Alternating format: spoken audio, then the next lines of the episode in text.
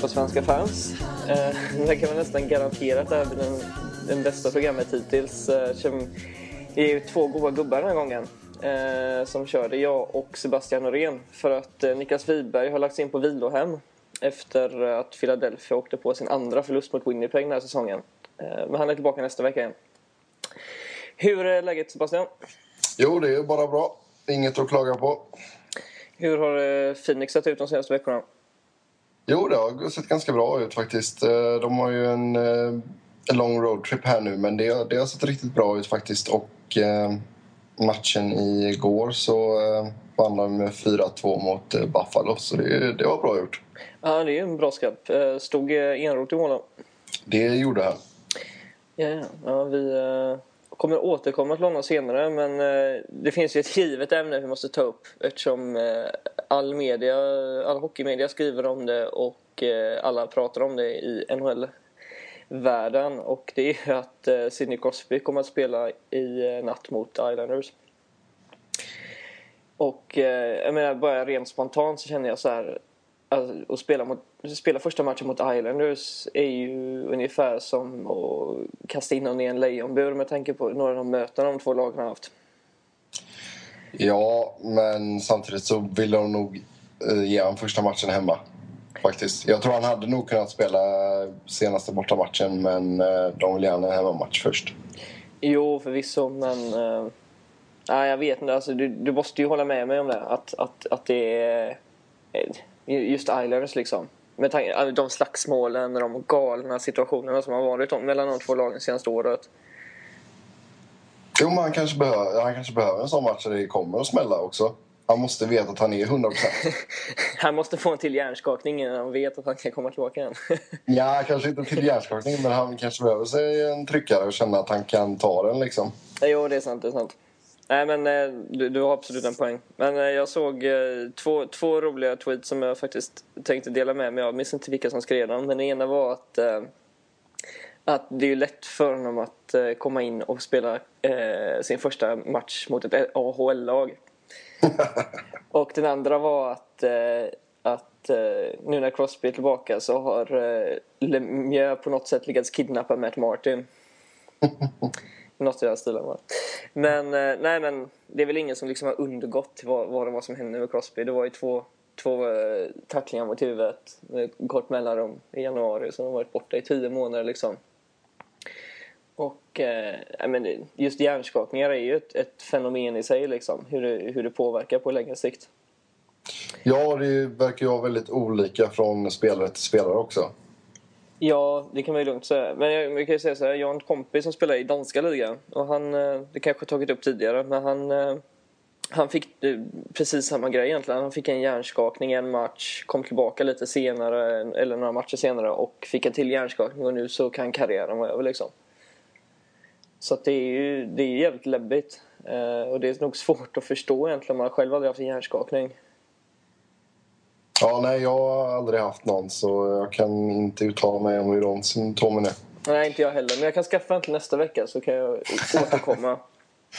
Detaljerad rapport. ja, ja, visst. Eh, man lär sig inget om att göra något liksom. Eh, nej, men eh, hur bra tror du Crosby kommer vara nu när han kommer tillbaka?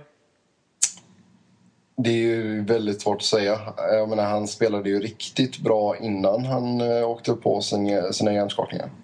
Ja, det, jag minns inte siffrorna nu, eh, men, men han snittade ju ett, ett, var det ett och ett halvt poäng per match eller någonting i den stilen. Något i den stilen, ja. ja. Och jag menar, det är ju helt sanslöst. Eh, jag tror ju inte... Alltså vi kommer ju se en, en, en spelglad Crosby. Det tror jag vi kommer få göra. Men, men frågan är hur, hur pass åter återinsatt han är, liksom, eller vad man ska säga. Alltså, hur, hur bra han faktiskt kommer vara de första tre matcherna. Ja, frågan är väl lite också vem de kommer, vem de kommer sätta honom med också. För jag menar, han kanske behöver någon som så att säga skyddar honom också på isen. Ja, han har ju, enligt vad jag läst så kommer han eh, att spela med Chris Kunitz och Pascal Dupuis i natt. Eh, så det är inte, det är inga mjäkiga killar liksom, men eh, det är inte, samtidigt är det ju inte Matt Cook han spelar med. Eller, Nej. Sådär liksom. Eh, in, inte Aaron Asham. Eh, men eh, nej. han, han kommer ju lyfta dem, det är inget snack om saken. Jag menar, det nu ska man kanske inte dra den jämförelsen riktigt men jag, jag minns ju när Peter Forsberg kom tillbaka efter skador och sådär så hade han ju spelsinnet kvar. Det var inget snack om saken. Och, och, nu har ju Crosby ändå tränat med laget dessutom mycket så senaste månaderna. Eh, men ja. Nej, det ska, det ska bli kul att se eh, att, att han är tillbaka liksom. Och, och jag tror ju att, att, eh, att Pittsburgh behöver både Crosby och Malkin för att ha en chans om kuppen. Men det säger väl sig självt. liksom. Det är de bästa spelarna i laget. Ja, exakt. Och eh, jag menar, all cred till eh, Pittsburgh för det de har gjort eh, så här långt in på säsongen och spelat så bra utan honom. Absolut. Jag kan, jag kan inte hålla med och det, och det bevisar ju vilket bra lagbygge de har fått nu. Om man jämför med hur de var för ja, när, när Crosby draftades 2005 liksom. Hur de var 2003, 2004. Eh, det var väl då Dick Ternström vann interna poängligan några året innan. Men liksom, om man jämför, då hade de inte Crosby. De hade ju ett, de hade ju ett helt lag liksom. Men, men det laget var inte så mycket att ha. Men nu bevisar de ju att de, ja, att de faktiskt klarar sig bra utan... Egentligen så klarar de sig rätt bra utan både Malkin och Crosby. För att, för att det var ett sånt gediget lagbygge liksom. Jo, det, det är sant. Och med de två tillbaka så ska man ju absolut uh, räkna dem som en, en av favoriterna när slutspelet kommer. Absolut. Det kan inte hålla med. Eh, på tal om de där säsongerna i början på 2000-talet i Pittsburgh så hade ju de en eh, svensk målvakt då. Som var oerhört populär. Ja. Och han har ju eh, varit helt okej senast då. Eh, pratar man naturligtvis om Johan Hedberg i eh, New Jersey. Ja, The Moose. The Moose, ja. eh, han, han har ju ersatt Brodeur lite till och från när han varit skadad och så. Och, jag menar, Hedberg är väl ungefär lika gammal som, som Brodeur men gör det minst lika bra. Ja, alltså jag tycker det är, han, han vet sin roll. Han, det, han vet att han, han konkurrerar inte om första spaden liksom. Men eh, han, jag tycker han gick in och gjorde det väldigt bra faktiskt. Ja, absolut. Men det, gjorde, det har han gjort eh, så länge det har varit New Jersey får man ändå säga. Och, och, nu har inte de ett jättebra försvar heller så det är ju desto mer imponerande då. Eh, men, men sen är ju inte... Ja, Hedberg är som sagt, han, är, han har ju blivit en typisk backup och det är, det är ju en roll som, som passar honom liksom. Han får ju några år till i NHL med bra lön. Eh, men, men ja, han är ju inte den, den eh, hetaste eh, målvakten, eller svenska målvakten i NHL just nu. Utan det är ju Rotan i Buffalo, mm. som vi pratade om innan.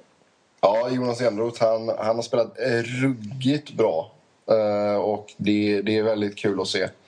Ja. Det, för jag menar, det finns ju egentligen få första målvakter som är så givna som Ryan Miller är i Buffalo. Nej, absolut. Eh, och, och, det var i år som, som Eneroth fick chansen liksom.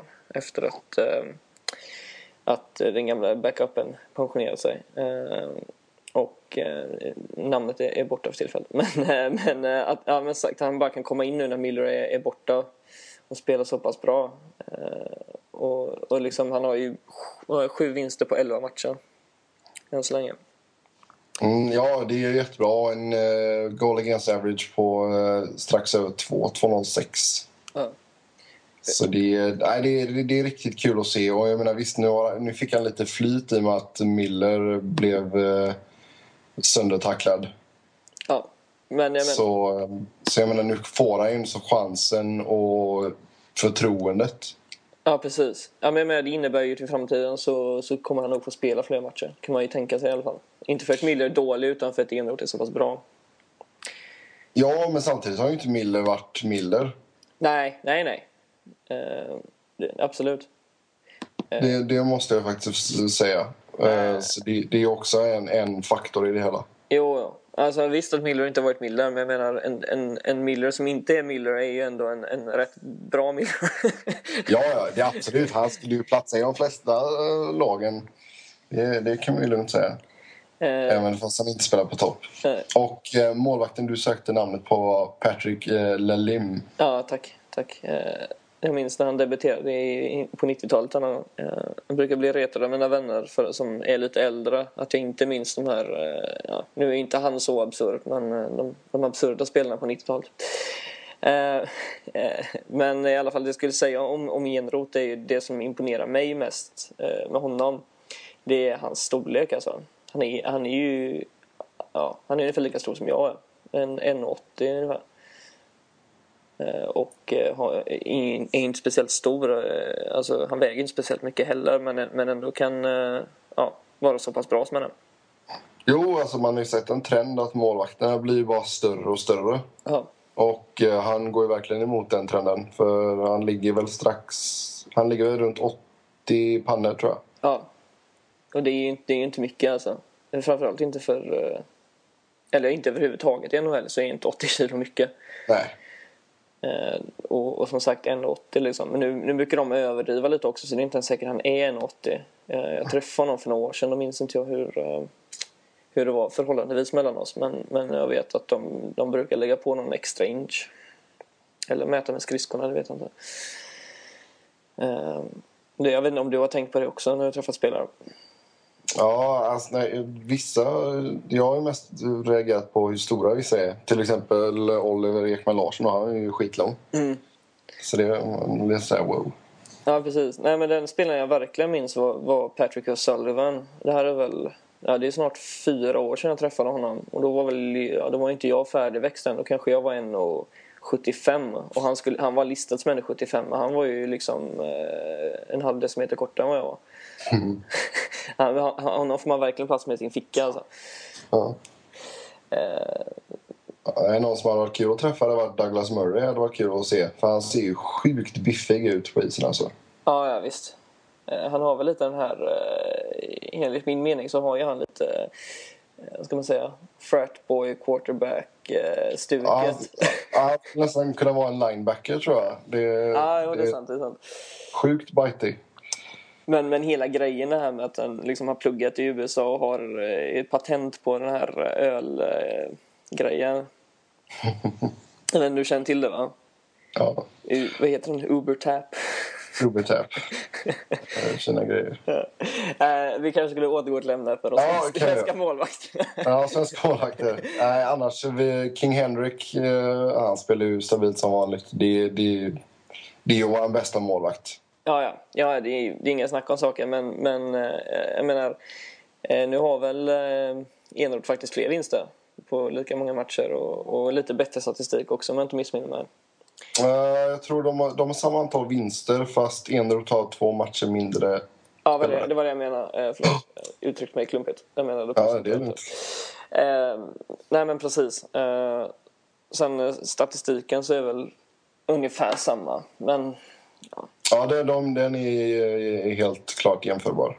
Sen, sen får man väl ändå säga att, att Enroth har lite bättre försvar framför sig. Det är ju populärt att klanka ner på Rangers försvar men eh, det, det, det är ju inte speciellt bra. Så det, det... Nej, absolut. Det, det är bara att hålla med. Och sedan får man ju säga att Lundqvist ställs ju på fler... Ja, han får ju mota en hel del fler skott. Ja, ja. Grund av detta. Och, eh, så han är nog... Han är ju, han är ju, jag skulle vilja säga att han är en av Rangers kanske topp tre viktigaste spelare. Ja, jag skulle säga att han är den viktigaste. Mm. För att jag menar, släpper man inte in några mål så kan man inte förlora och med tanke på de räddningarna han får göra så... Ja, jag menar, tänkte, tänkte om Lundqvist aldrig hade funnits och det var väl... Eh, vad var det? Steve Valekett var väl backup till honom länge. Om han hade ja. varit första målvakt eh, nu. Så... Ja, då, då hade de legat sist. ja, det är inte säkert. Han hade ju fått mer rutin. Men, men liksom, i, hela liksom, konceptet. Eh, Al Montoya var väl med i systemet där också. Ja. Så att jag menar Al Montoya och Steve Valikett eh, som ett och två i Rangers. Alltså, det, hade inte, det hade inte gått bättre om man säger så. Nej, nej absolut inte. Eh. Han, har vunnit, han har vunnit många matcher åt den klubben. Det är en mm. sak som är väldigt säkert. Ja. Eh, men, eh, ja. Därav sitt nickname också, liksom. Kallas för kungen. Det, Ja, men det är lite, äh, lite vilseledande där. Han borde ju egentligen spela i Los Angeles då. Jag hade inte tackat nej. Ja, det är sant. De får be om en trade där. men det är i alla fall ett bättre nickname än monstret. Ja, det kan man ju lugnt säga. Och nu har ju monstret övergått till att vara ironiskt för att fansen själva är rädda för honom. Och ser ja. mål. Men uh, han gjorde en bra insats senast i alla fall. Ja, absolut. Eh, Toronto uh, spöar ju Washington ganska saftigt. och han släppte in ett mål på 41 skott var det. Ja. Så att det är ju bra, men jag menar så det pekar på något sätt på hur ojämn han är för att han har ingen bra statistik och han har inte sett speciellt bra ut ändå. Jag i och med att Toronto har Raymer nu liksom, nu får vi se hur länge han är med liksom. För att det är ju Toronto vi snackar om så de går igenom, äh, går igenom äh, målvakter som, äh, ja, som en bebis går igenom blöjor ungefär. Ja. Eh, så att, jag menar, och sen Scrivens har väl inte imponerat något vidare men eh, jag tror ju ändå att Gustafsson kommer att hamna i Europa till nästa år. Ja, då är frågan ifall han kommer gå till Ryssland eller ifall han kommer att vända hem. Ja, alltså pengarna är ju alltid pengar liksom. Så att jag i sådana fall hamnar nog i Ryssland. Men, jag tänker bara på rent allmänt den NHL-karriären han har haft liksom. Så, så ser jag inte att något lag skulle vilja ta en chans egentligen. Eh, och jag, jag, tror ju hellre att han spelar i KHL än AHL eftersom det är närmare hem till Sverige också. Men... Ja, ja absolut. Och med tanke på som du säger, du får ju minst lika bra betalt. Ja, ja, ja AHL betalar ju inte mycket alltså. Nej. Så att, eh, KL är ju tar ut lite, lite mindre skatter också.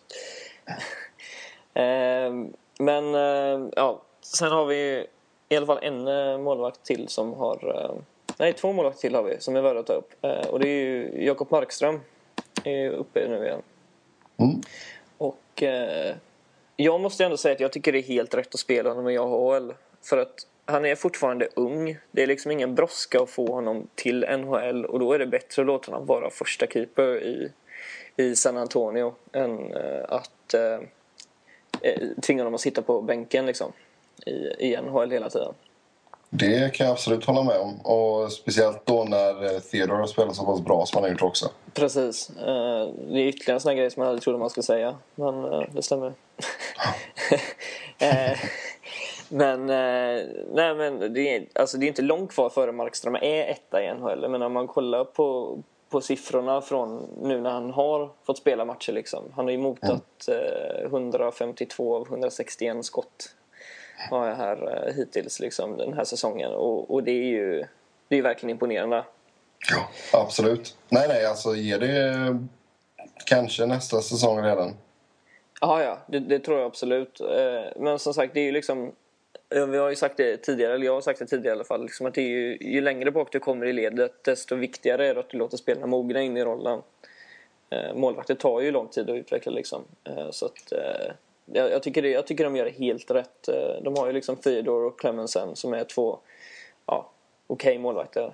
Eh, och, och, som sagt, Theodore har spelat bra. Så att jag, nej, nu, det är nu man börjar tro på Markström efter hans eh, första insatser som för no, något år sedan som inte var superimponerande. Nej, men jag, tror, jag tycker de har skött det snyggt också. För de har pratat med spelaren och sagt att det är bättre att vi matchar dig. Ja. Och att du får känna på det här. Liksom. Och eh, så att du kan bli vår första keeper. Ja. ja, men precis. Det är, det är jättebra. Och det är, det är framförallt nu när, eh, när eh, nya GM eh, naturligtvis har ju namnet eh, försvunnit igen, eh, som var i Chicago tidigare och som nu är i, eh, i, eh, i Florida som, som har, eh, har liksom ordat fram Taves och Kane, draftat dem och ordat fram dem och liksom ja, låt, låtit spelarna ta den tid de behöver. För så var det ju faktiskt till exempel med, med Taves. Mm. Han spelade ju några extra år där innan, innan han eh, debuterade. Och, eh, nej, men han, han är van vid att handskas med unga spelare och, och ta hand om det bra. Jag tror att det har gjort mycket för Markström också. Eh, men eh, en, en som kanske inte eh, eller tyvärr inte har en så eh, lovande karriär, i alla fall inte haft en lovande start, är ju eh, Islanders Anders Nilsson som eh, faktiskt fick debutera eh, natten. Ja, han fick hoppa in och spela två perioder drygt. Och eh, ja, tre, in, tre insläppta på 17 skott det är inte mycket att hänga i granen. Nej. Nu möt, mötte de i och för sig ett Boston i hög form. Eh, Men vad väljer man egentligen? eh, Di Pietro eller Nilsson? Eh, Nilsson alla dagar i veckan. Eh, Di Pietro släppte ju också in tre mål. Eh, Jag vet inte hur många skott det var på. Men, men precis, alltså Boston och laget förlorar med 6-0. Då är, det inte, då är det oftast inte bara målvaktens fel. Men det, det är ingen kul debut eh, samtidigt som det här är andra säsongen som Islanders, eller andra säsongen, men de har haft enorma målvaktsproblem och, och eh, det ser ju inte ut att lätta upp med tanke på att de två, ja, Montoy, både Montoya och Önnerbakov är skadade liksom. Ja, nej. nej det, det kanske inte är det roligaste valet att ha en eh, rookie Nilsson och en eh, Di Pietro och behöva välja mellan. Nej. Eh, för att jag menar, Nilsson är ju inte speciellt gammal. Är han? Är född 90 liksom. Eh, Och eh, som sagt, å, återigen det här med målvakter och låter dem växa fram istället. Eh, det, det är ju faktiskt så de, kan man säga, de, de flesta av, av de som faktiskt är starters numera har ju faktiskt, det är liksom det är ingen debut vid 18 års ålder. Det, är liksom, det funkar inte så. Nej, och jag menar Nilsson har, har han spelat i, har han spelat mer än 60 matcher i elitserien? Eh, det är en bra fråga. Vet du hur Nej, jag- ja. Nej, jag- han har väl lirat runt 60 matcher tror jag. Ja, Så liksom, det, är- det är ju inte en, en kille man bara slänger direkt in i NHL. Nej, nej, verkligen inte. Eh, och, och jag menar, om inte jag minns fel så var han ju ändå inte superimponerande i Luleå ändå. Ja, Jag har tyvärr inte haft så jättebra koll på eh, mer än eh, Frölunda sen jag flyttade till USA. Nej, Så, och jag har bättre saker för mig än att titta på elitseriehockey. Eh, så eh, jag är bortskämd. Eh, men det med sagt, eh, Nilsson förlorade med 6-0 och eh, då tycker jag vi går över till eh, nästa ämne och det är faktiskt eh, Boston som de förlorar mot. ja, man kan ju lugnt säga att eh, Stanley Cup hangovern är över. Ja, det är, det är, eh, det är slut på baksmällan och festen har börjat igen. Ja, exakt. Eh, och eh, nej, men med, det, inledningen var ju verkligen katastrofal. Det var väl någonting om att det var en av de sämsta inledningarna någonsin av en Stanley Cup-vinnare. Ja, det, det skulle inte förvåna mig alls. Eh, och, men det var... Nu, nu, nu har de ju vunnit åtta matcher i rad. De har inte förlorat en match i november. Och eh, före dess, precis före de började vinna så hade de sex poäng på tio matcher. Vilket ju är ja, förvånande eh, med tanke på att det är Boston och det är liksom det är ett lag där det inte har skett mycket förändringar under sommaren. Nej, men nej, nej, det är alltså under all kritik, inledningen. Ja, och, och, och jag menar, men sagt, man jämför liksom med Chicago. När de vann så, så hade ju inte de någonting eh, kvar nästan. De hade ju rensat ut halva laget. Ja, exakt. Eh, och och eh, ja, Boston har ju inte gjort det. De har ju egentligen bara blivit av med, med en pjäs. Och det var ju Thomas Kabele som inte egentligen tillförde speciellt mycket. Eh, utan det, man får se det som att det var rent psykologiskt helt enkelt. Ja, men det, det, är inte, det är väl inte så konstigt att det blir en viss eh, mättnadskänsla. Nej, verkligen inte. Och jag menar, men det är just... Eh, vad kan man säga? Eh, Jag ser Boston som speciellt också överhuvudtaget. Eh, det, är en, det är en väldigt speciell kultur där. Eh, enligt min mening. Eh, rent idrottskulturen. Men... Eh, så att, så att det är ju liksom... Jag vet inte, det är svårt, det är svårt att, att sätta fingret på vad det är lite. Men det, det är som att... Det är, ja, nu är det ett Original Six-lag. Så det gör det ju så pass mycket större. De hade väntat i ungefär 40 år på att vinna igen. Och, och, och som, som du säger så blir det en viss mättnadskänsla. Och, och samtidigt så är det ju hela... Alla Bostonlagen just nu är ju bra också. Så att, ja, jag vet inte. Jag vet inte ens vart jag vill komma med det där. Men, Nej, de har ju, jag kan ju, vad jag har liksom sett och hört så har de ju ett, några av landets mest krävande fans dessutom. Jo, det är ju det. Jag menar, för några år sedan så var det ju precis tvärtom. Då, då hade de ju ingenting egentligen. Alltså Red Sox var dåliga, hade inte vunnit på, var det 108 år eller någonting? 104 år, 106 år kanske var. Eller 86, ja skitsamma. Red Sox hade inte vunnit på länge. Celtics ja. hade typ varit dåliga sen Larry Bird slutade. Ja, exakt. Och Patriots hade varit eh, sådär på 90-talet också liksom. Ja. Och, eh, ja, och Boston hade varit katastrofal under några år. Och sen så vinner Red Sox 2004. Eh, Celtics återuppstår. Patriots börjar vinna tack vare Tom Brady och så nu Boston liksom. Det är ju det är, det är helt sjukt egentligen. Ja. Jo, men då, så då, då blir det att eh, då kräver fansen en hel del mer av sina lag också. Ja, absolut. Och, och sen, sen tror jag, eller så som jag uppfattar det i alla fall, jag har varit lite i Boston så, eh, men jag kan inte säga att jag har satt mig in i, i eh, kulturen så mycket, men det, det är väldigt sammanvävt liksom idrottslagen med, med annat också. Typ eh, Dropkick Murphys till exempel är ju det är ju egentligen som, som Bostons maskot på något sätt. Mm. De kör ju på matcherna och de är stora fans. De har skrivit låtar om, om det och, liksom, och det är ändå ett stort band liksom. Eh, så det är liksom inte, det är inte ett, lag, ett band de hyr in utan det är ju några som har varit, varit med länge. Nej, det är inte som Shakira och VM-låten. ja, men hon är ju colombian, måste du gilla fotboll. Ja, men det kan, alltså nu är detta way off topic, men det, det kan vara en av de sämsta låtarna någonsin. Du vet att Europe gjorde låten... Nej, inte, förlåt, inte Europe. Jag menar E-Type gjorde väl officiella EM-låten 2000... Var det 2000 2004? 2000 var det. Ja, men den är fortfarande inte värre. det är, alltså, Waka Waka är den sämsta låten någonsin. Okej. Okay. Uh, jag vet inte. Jag brukar mest vara full när jag hör den så jag brukar inte bry mig så mycket.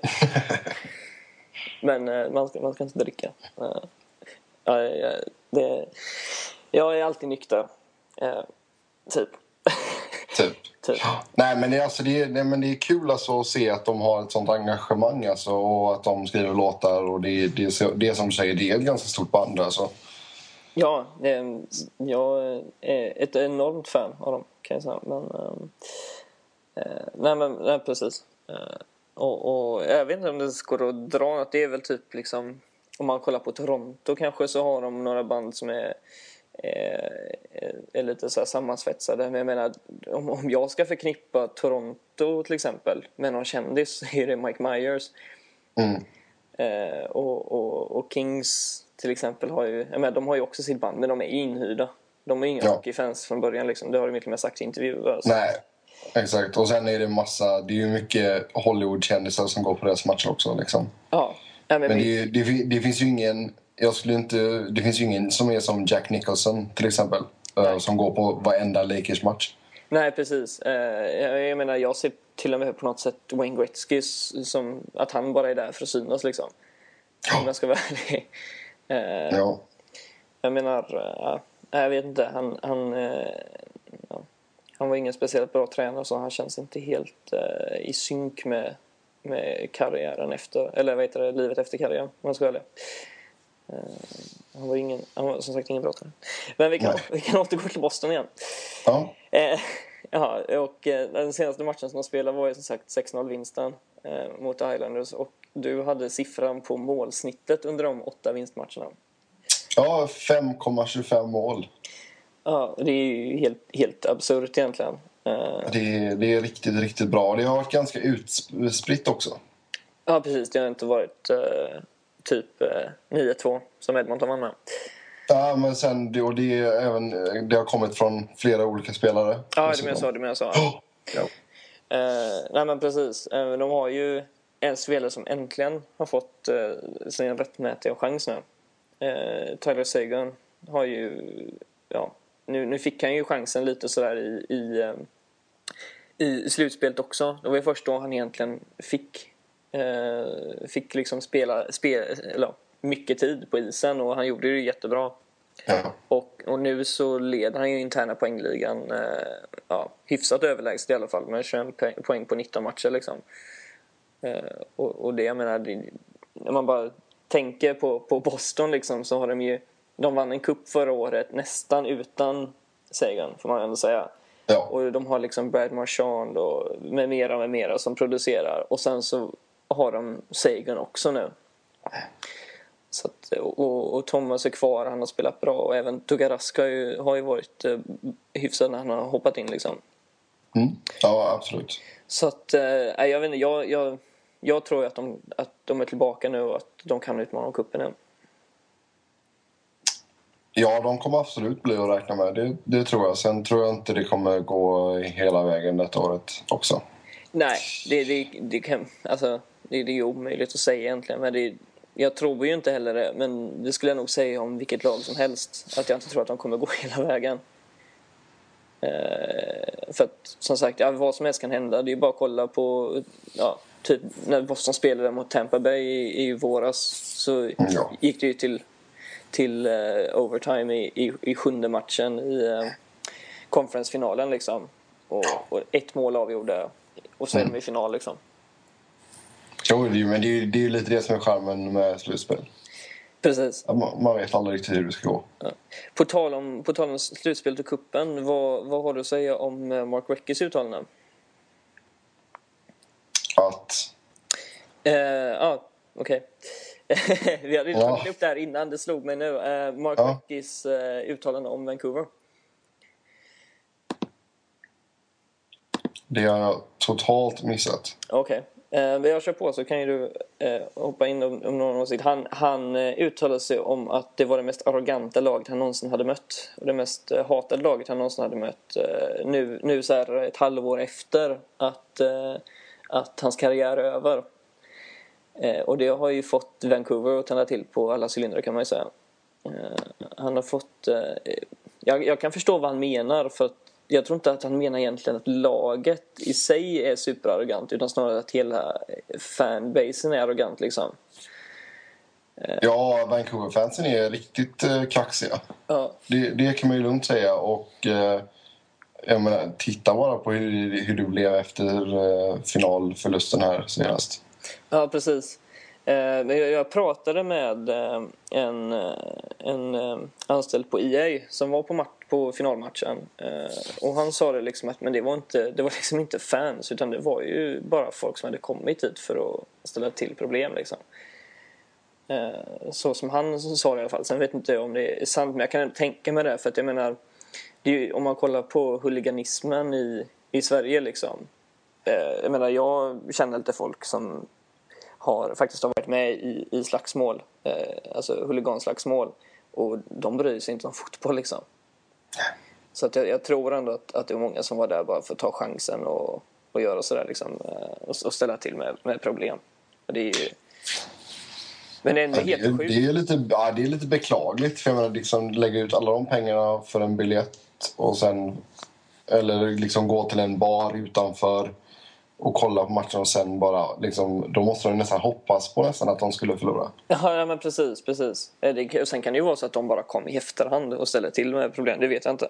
Jag menar, på något sätt så har man ju ändå, eller jag har i alla fall större respekt för, för eh, folket på, det var väl ja, slutet av 40-talet och början på 50-talet när eh, Maurice Richard blev avstängd. Eh, så var ju de Richard Riots när, när folk blev helt vansinniga eh, och eh, välte polisbilar och tände eld på bilar och allt möjligt liksom. Eh, för att de var så uppretade över... Egentligen så kan man ju säga att det var mer som en revolt från fransk-kanadensarna. Ja. Än, än, bara att ha med hockey att göra. Men eh, det var ju liksom ja, droppen. Och, och jag vet inte, som sagt, jag, jag, har nästan mer förståelse för det. För att det var något, det var något större liksom än att bara ställa till bråk. Ja, det var mer än, än att ta ut aggressionen efter en förlust. Ja, ja men precis. Eh, och, men samtidigt, Richard var ju en fantastisk spelare. Eh, men eh, ja, jag vet inte, har du något mer du vill ta upp? Eh, nej, det har väl varit ganska mycket snack om vad general managerna sa under deras möte här nu. Mm. Det var ju ganska många som ville ha eh, en, en regeländring så att eh, målvakterna blir mer eller mindre untouchable. Mm. Så eh, jag vet inte, jag tycker är de ute och spelar pucken så får de tåla lite. Sen är det klart att man inte ska köra över någon totalt. Jag vet inte, jag som, jag sa förra veckan så tycker jag att är man ute och, och, och, och skifflar liksom, så får man vara beredd på att ta en smäll även om den är hård. Liksom. För det med... Jo, men samtidigt får man ju tänka på att målvakterna har så mycket skydd på sig och har ingen möjlighet att komma upp i samma hastighet på skridskorna. Så de kan ju inte riktigt... För jag menar, ja, utspelare då kan du inte vara med på. Du har ungefär samma fart och du kan liksom sätta till ordentligt. Målvakterna kan inte göra det på riktigt på samma sätt. Nej, det är i och för sig sant, men... men det är men att, att de ska vara orörbara, det, det, det är ju bara löjligt. Ja, jag menar, du måste ju ha... Alltså, nu, nu får man ju inte stå i, i vägen för målvakten i målgården, men... Nej. Men jag menar, det, frågan är hur det kommer bli för en spelare som Thomas Holmström, liksom, ifall de är helt untouchable. Ja. Jag menar, ska man gå tillbaka till att skridskon inte får gå över eh, målgårdslinjen då heller liksom? Eller? Mm. Nej, nej, det, nej, nej alltså det, jag håller med dig. Det, det, är en, det vara en riktigt dålig regel. Ja, nej, men, men sen så är ju problemet också att jag menar, eh, om man säger att de inte är untouchable, att de får vidröras liksom när de är ute och så, då, då är ju frågan var går gränsen för det liksom? Det är också en sån, sån grej man måste ta i beaktning då. Ja, det var ju lite det som var grejen här med när Lucis då körde över uh, Miller. Mm. Det är bara var ska man dra gränsen? Ja men precis. Jag menar, nu, nu, nu var ju han på förhör hos Kärnahärn och, och, och eh, de ansåg ju då att, eh, att han, vad han själv sa var ju att han försökte undvika men att han inte kunde och åkte rakt in i honom. Och jag vet inte om jag köper det. Eh, men som sagt så det, känns på något sätt nu också som att nästan en gång i veckan eller en gång i månaden så händer det någonting som, eh, som kommer förändra eh, spelet. Ja. Typ det här med, ja, för, eller i alla fall varje säsong. För, för de senaste åren så har det ju varit väldigt mycket med huvudtacklingar och det blir extra uppmärksammat med, med Crosby liksom. Och, och så det här med målvakterna nu och, och så vidare och så vidare. Ehm, så att, ja, nej men det ska bli intressant att se hur, hur de behandlar det här eh, och, och vad som kommer att hända. Ja, och samtidigt så känns det som att de var nästan tvungna att ha någonting att prata om. För det, det, verkar, ju, det, ja, men det verkar ju bara vara en stor firma, firmaträff liksom. Ja, vadå? De, de, de träffas på något gött ställe, spelar lite golf. Det behöver väl de med. Det är ju arbete i stort sett året runt. Så. Ja, men vad, vad, de träffas ju aldrig i Edmonton till exempel. Nej, Det är, det är, alltid, det är alltid på något göttigt ställe. Det är alltid i Florida eller... Pebble Beach brukar det vara rätt ofta va? Ja, det, det ska ju vara ett ganska bra ställe. Ja, jag har för mig att golfbanan där ska vara riktigt bra. Ja, den ska, ja, den ska vara kalas. Det det är väl ett av kriterierna när de sätter mötena. Ja, nej, men jag, det vi kanske skulle ha vår nästa firmafest där också. Ja. Och se upp så att, inte, så att inte NHL har bokat upp det för sina games. Ja. Eh, men, eh, nej, men jag, vi avslutar väl den här podcasten med, med golfsnack då. Ja. eh, och eh, som vanligt så, så kan ni följa oss på Twitter och eh, Petter Fritz är mitt namn och så har vi Seb Norén. Eller Seb, Seb Noran blir det väl. Sen blir det, ja.